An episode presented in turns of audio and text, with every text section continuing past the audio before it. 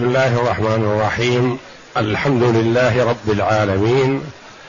والصلاة والسلام على نبينا محمد وعلى آله وصحبه أجمعين. وبعد. بسم الله. أعوذ بالله من الشيطان الرجيم. بسم الله الرحمن الرحيم. وقالوا قلوبنا غلف. بل لعنهم الله بكفرهم فقليلا ما يؤمنون. هذه الآية الكريمة من سورة البقرة جاءت بعد قوله جل وعلا ولقد آتينا موسى الكتاب وقفينا من بعده بالرسل وآتينا عيسى ابن مريم البينات وأيدناه بروح القدس. أفكلما جاءكم رسول بما لا تهوى أنفسكم استكبرتم ففريقا كذبتم وفريقا تقتلون وقالوا قلوبنا غلف بل لعنهم الله بكفرهم فقليلا ما يؤمنون.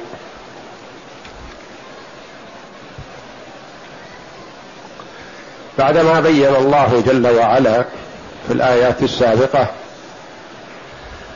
تقاعس بني إسرائيل عن تنفيذ ما أمرهم الله جل وعلا به في كتابه التوراة وعلى ألسنة رسله عليهم الصلاة والسلام ومخالفتهم بين مخالفتهم لأمره تعالى بين شيئا من قولهم لمحمد صلى الله عليه وسلم من باب الاستهزاء والسخرية برسوله صلى الله عليه وسلم وقد أخذت الأنبياء كلهم العهد على بني إسرائيل بأن يؤمنوا بمحمد صلى الله عليه وسلم إذا بعثه الله. فهذا موقف من مواقف بني إسرائيل المتعنتة البعيدة عن الحق. أتوا بهذا الكلام على سبيل الاستهزاء بمحمد صلى الله عليه وسلم. وقالوا قلوبنا غلف. قراءة أخرى وقالوا قلوبنا غلف. غلف. غلف. وغلف قراءتان مشهورتان. وقالوا للنبي صلى الله عليه وسلم حينما يخاطبهم عليه الصلاة والسلام ويبين لهم ما عندهم في كتبهم مما جاءت في بيانه صلى الله عليه وسلم. وأنهم إن زعموا أنهم مؤمنون بموسى فيجب عليهم الإيمان بمحمد صلى الله عليه وسلم. لكنهم إذا خاطبهم النبي صلى الله عليه وسلم قالوا قلوبنا غلف. غلف يعني مغلفة. غلف يعني عليها غطاء. يعني محكمة ما يدخلها كلامك لا. كلامك هذا لا يدخل على قلوبنا. لما؟ قالوا لأن كلامك هذا غير حق. فقلوبنا لا تسمع هذا الكلام ولا تستوعبه. قلوبنا غلف. يعني كأنها مغلفة لا تسمع كلامك ابدا ولا تستفيد منه. ولا يمكن أن نتجاوب معك. القراءة الأخرى قلوبنا غلف. إيش معناه؟ روي عن ابن عباس أنه قال هي أوعية للحكمة. والمعرفة. فلا حاجة بنا إلى ما جئت به. قلوبنا غلف غلاف إناء أوعية للحكمة والمعرفة والبصيرة فلا حاجة بنا إلى ما تقول. ما عندنا يكفينا. وقيل قلوبنا غلف. يعني أوعية للحكمة وتعرف الكلام الحق لكن كلامك هذا ما ولجها. دليل على أنه ليس بحق.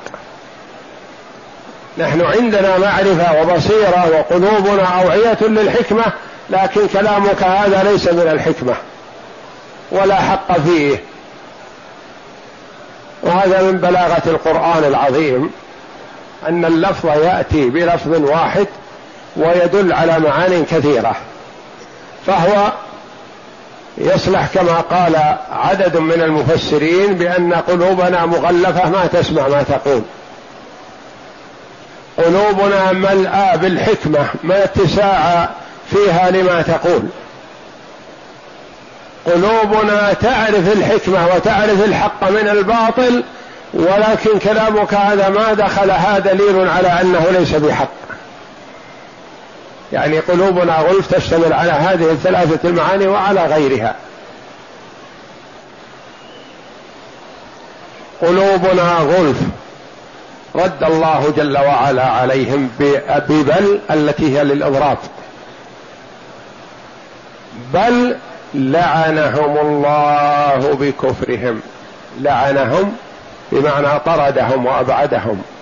واللعن هو الطرد والإبعاد من رحمة الله.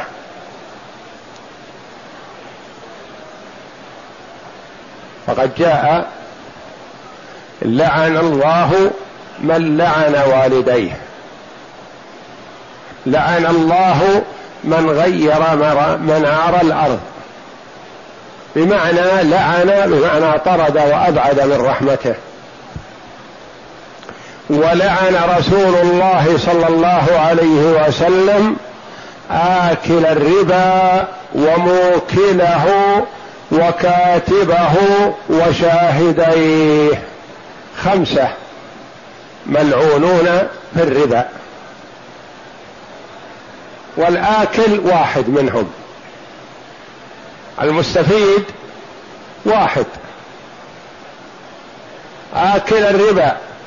وموكله وكاتبه وشاهديه الشهود اثنين. كلهم مطرودون من رحمة الله لما انتهكوا. قد يقول قائل هذا الآكل وهذا الموكل فما بال الكاتب والشاهد؟ نقول نعم لأنهم أعانوا على الإثم والعدوان. ولو أن صاحب الربا إذا طلب كاتب ما عاونه أحد ما كتب له أحد لانكف ولو أنه إذا طلب شهود على عقد الربا ما شهد معه أحد لانكف ولكن هؤلاء الثلاثة اعانوه وساعدوه على ذلك فوقعوا معه في العقوبة وإن لم يأكلوا لأنهم أعانوا على الإثم والعدوان. والله جل وعلا يقول وتعاونوا على البر والتقوى ولا تعاونوا على الإثم والعدوان. بل الحقيقة والواقع ليست قلوبهم غلف قلوبهم كقلوب الناس. لكنهم ملعونين مطرودين من رحمة الله والعياذ بالله. بل لعنهم الله. بماذا لعنهم الله بكفرهم. ما التمسوا الحق؟ لو التمسوا الحق لا أدركوه ووقعوا فيه وأخذوا به لكنهم ما أرادوه. فالاعراض عن الحق وعدم قبوله سبب للطرد والإبعاد من رحمة الله واللعن. لعنهم الله بسبب كفرهم. وكما قال الله جل وعلا فبظلم من الذين هادوا حرمنا عليهم طيبات أحلت لهم. يعني أن سبب التحريم هو الظلم وقوعهم في الظلم. والمعصية تسبب الوقوع في معصية أخرى. كما أن الطاعة تعين وتيسر وتسهل على المسلم الطاعة الأخرى. ولهذا قال بعض السلف من علامة قبول الحسنة أن يوفق العبد لحسنة بعدها. يستبشر يفرح. ومن علامة رد الحسنة والعياذ بالله أن يأتي العبد بسيئة بعدها. ولذا قالوا من وفقه الله جل وعلا لصيام رمضان واداء ما افترض الله عليه وقام بالواجبات وفعل شيئا من المستحبات واجتهد هناك علامة على قبوله وعلامة على رده. متى يدركها؟ بعد رمضان. قالوا إن وفق للأعمال الصالحة بعد رمضان فذلك علامة على أنه مقبول في رمضان.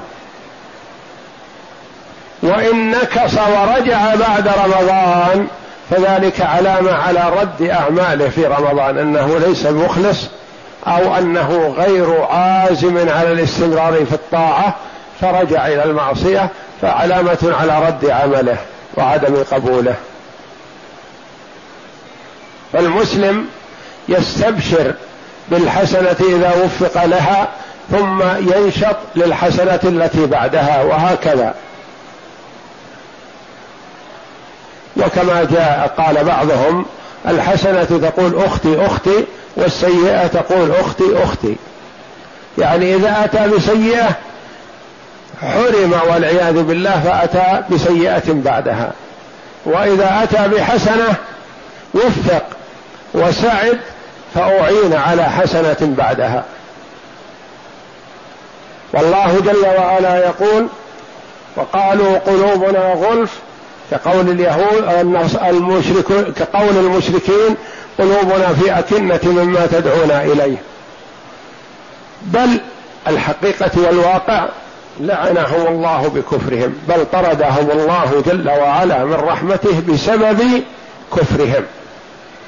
وإلا من حرص على الحق اهتدى مثل عبد الله بن سلام رضي الله عنه وأرضاه. كان حبر من أحبار اليهود وعالم من علمائهم رضي الله عنه. وفقه الله جل وعلا لقبول الحق فلما رأى وجه النبي صلى الله عليه وسلم لأنه من اليهود الذين يعلمون ويعرفون مبعثه عليه الصلاة والسلام. فجاء يتحرى يقول فلما رأيته عرفت أن وجهه وليس بوجه كذاب. فاليهود يقولون هذا كذاب يدعي النبوة وليس بنبي. وهم في حقيقة نفوسهم يعرفون أنه نبي. يقول لما رأيته رأيت وجهه عرفت أن وجهه ليس بوجه كذاب. وتحريت ماذا يقول؟ فكان أول قول قاله حينما قدم المدينة عليه الصلاة والسلام ونادى به أهل المدينة أفشوا السلام. وصلوا الأرحام وأطعموا الطعام. وصلوا بالليل والناس نيام تدخلوا الجنة بسلام. كلمة طيبة تدعو إلى البر والخير وطاعة الله جل وعلا. فاستبشر عبد الله بن سلام رضي الله عنه ودخل الإيمان قلبه. وهو حبر من أحبار اليهود. فجاء إلى النبي صلى الله عليه وسلم وسأله سؤال عالم. فأجابه النبي صلى الله عليه وسلم عما سأل. فقال أشهد أن لا إله إلا الله وأشهد أن محمدا عبده ورسوله. فسر النبي صلى الله عليه وسلم بهذا أن يسلم هذا العالم وهذا الحبر من أحبار اليهود. لعل اليهود يسلمون.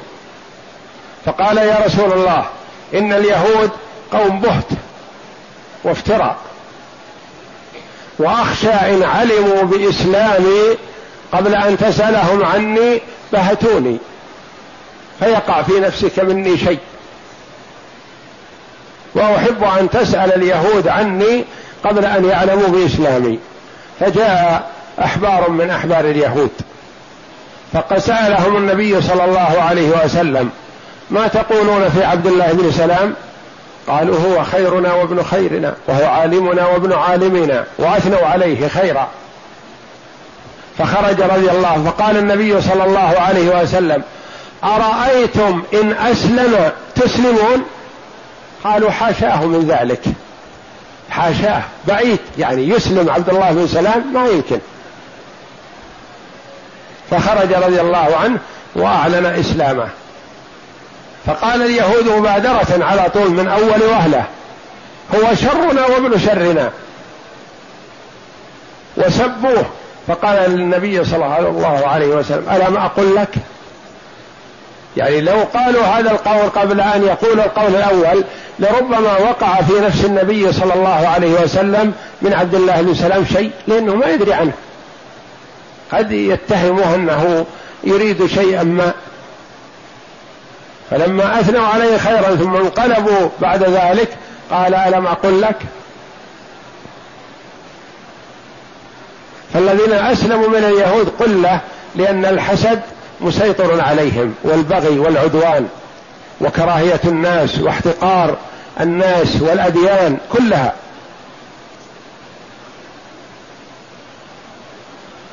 بل لعنهم الله بكفرهم. فهم ملعونون بسبب كفرهم. فقليلا ما يؤمنون. قليلا ما يؤمنون محتملة لمعان كثيرة وكلها صحيحة والحمد لله. قليلا ما يؤمنون يعني قليل إيمانهم. آمنوا بشيء وكفروا بأشياء. قليلا ما يؤمنون قليل منهم المؤمن بخلاف المشركين والنصارى فهم أسلم منهم أعداد هائلة كبيرة. اليهود ما أسلم منهم إلا قليل جدا. عبد الله بن سلام وأخوه وأفراد يعدون على الأصابع. فقليلا ما يؤمنون يعني ما منهم أحد ممن طبع على قلبه يؤمن. قليلا ما رأيت كذا تقول العرب بمعنى أنك ما رأيت هذا. قليلا ما رأيت مثل هذا الرجل يعني أني ما رأيت مثله. قليلا ما يؤمنون يعني لو آمنوا آمنوا زمن قليل.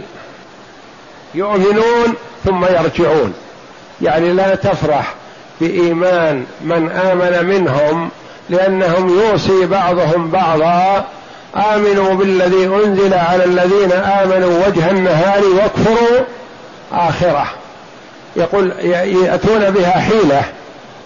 يقولون محمد نؤمن به آمنا به وبما جاء عنه, عنه معه عن الله جل وعلا. ثم يتواطؤون على أنهم في آخر النهار يكفرون لأجل ينفروا الناس. لأنهم ما يقولون اليهود ردوه من أول وهلة لا آمنوا. لكن لما اطلعوا على ما عنده عرفوه أنه ليس بحق تركوه. قليلا ما يؤمنون يعني يؤمنون في الصباح ويكفرون في المساء ما يصبرون على الإيمان. وهذه كلها أوصاف ذميمة في حق اليهود. وقالوا قلوبنا غلف بل لعنهم الله بكفرهم فقليلا ما يؤمنون قليلا إيمانهم. اقرأ. يقول تعالى وقالوا قلوبنا غلف أي في أكنة. وقال ابن عباس رضي الله عنه أي لا تفقه وهي القلوب المطبوع عليها. وقال مجاهد لأن المشركين قالوا للنبي صلى الله عليه وسلم قلوبنا في أكنة مما تدعونا إليه وفي آذاننا وقر ومن بيننا وبينك حجاب فاعمل إننا عاملون. هذه مقالة المشركين الذي قص الله جل وعلا عنهم. وهذه مقالة اليهود. اليهود والمشركون على حد سواء. نعم. وقال مجاهد عليها غشاوة وقال السدي عليها غلاف وهو الغطاء. عليها غشاوة عليها غطاء عليها غلاف كلها معان متقاربة قالها المفسرون رحمة الله عليهم. نعم. وقوله تعالى بل لعنهم الله بكفرهم أي طردهم الله وأبعدهم من كل خير فقليلا ما يؤمنون معناه لا يؤمن منهم إلا القليل. وقال عبد الرحمن بن زيد في قوله غلف تقول قلبي في غلاف فلا يخلص إليه مما تقول شيء. وقرأ قوله تعالى وقالوا قلوبنا في أكنة مما تدعونا إليه. وهذا الذي رجحه ابن جرير واستشهد بما روي عن حذيفة قال القلوب أربع. القلوب, القلوب أربعة كما جاء في الحديث وروي موقوفا على بعض الصحابة. القلوب أربعة. انتبه لها. نعم. أوصافها هذه. القلوب أربعة فذكر منها وقلب أغلف مغضوب عليه وذاك قلب الكافر. قلب أجرد يعني صافي فيه نور ينيره هذا قلب المؤمن. قلب أغلف مغلف هذا قلب الكافر. قلب منكوس وهو قلب المنافق. قلب مصفح المصفح فسر بأنه فيه نبتة خضراء تسقى بماء عذب. وفيه قرحة تسيل صديدا ودما فيه خير وفيه شر. فأيهما غلب على الأخرى أفناها أهلكها. يعني إذا كثر فيه الخير غلب على الشر بإذن الله. وإذا كثر فيه الشر والعياذ بالله غلب على الخير. وهذا شيء محسوس في قلوب الناس. قلب نير مبصر يعرف المعروف فيأتيه ويعرف المنكر فيجتنبه. يدعو إلى الخير ويرغب فيه ولا تلتبس عليه الأمور. يسير بنور الله جل وعلا وبصيرة وعلى هدى من أمره. مستبصر. وقلب مغلف ما يدخله شيء. هذا قلب الكافر والعياذ بالله. وقلب منكوس عرف الحق وتركه. القلب المنكوس قلب المنافق. يعني أنه عنده علم عرف ودخل في الإسلام لكنه انتكس قلبه والعياذ بالله وأصبح لا يقبل الخير. القلب المصفح هذا هو كثير من القلوب بهذا الشكل. كثير من القلوب بهذا الشكل. يعني فيها خير وفيها شر. إذا جالس الأخيار وألفهم وسمع الذكر والمواعظ والعلوم تنور وتبصر وسار إلى فعل الخيرات. وبادر إلى أداء الفرائض. وحرص على بذل المعروف وهكذا. فإذا حصل عنده جفوه وابتعد عن هؤلاء وقارن أهل الشر والفجور غذوه بمائهم الخبيث فغلب على الخير الذي عنده فصار شره أكثر من خيره والعياذ بالله. ولهذا حث النبي صلى الله عليه وسلم المسلم على الجليس الصالح لأن المسلم حسب من يجالس. يقول المسلم يشهد أن لا إله إلا الله وأن محمد رسول الله. حضر مع الاخيار أصبح واحدا منهم. ينشط إلى ما ينشطون إليه. حضر مع الأشرار أصبح واحدا منهم. ينشط إلى ما ينشطون إليه. فلذا حث النبي صلى الله عليه وسلم على الجليس الصالح ومثله بحامل المسك وحذر من جليس السوء ومثله بنافخ الكير. وقلوب أكثر العباد بهذا الشكل. إذا غذيت بالعلم والتقوى والصلاح ومجالسة الأخيار والإكثار من نوافل العبادة استقامت وتنورت وأبصرت. وإذا غذيت بالشر ومخالفة الأوامر والوقوع في المحرمات والعياذ بالله ألفت هذا وكرهت الخير لأنه ما يمكن أن يستمر حب الخير وحب الشر في القلب في آن واحد إما أن يميل إلى الخير أو يميل إلى الشر وكلاهما يكون يتعالجان في قلبه مثل الذي فيه قيحة تغذى بالصديد والدم وتسيل وفيه نبتة تغذى بالماء الطيب العذب. يتغالبان إذا غلب الخير عليه غلبة وإذا غلب الشر والعياذ بالله وقع في الشر. والنبي صلى الله عليه وسلم يمثل الأشياء المعنوية بأشياء محسوسة يدركها الإنسان.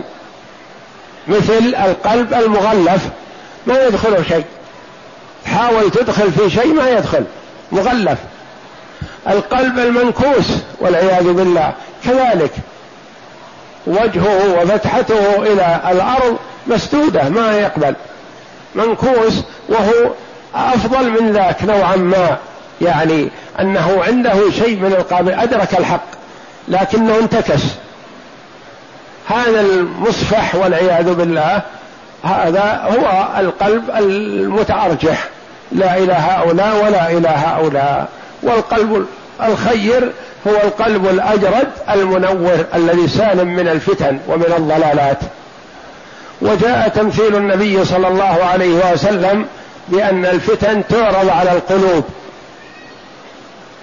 كأعواد الحصير فتعرض الفتنه على القلب فإن مجها ابيض.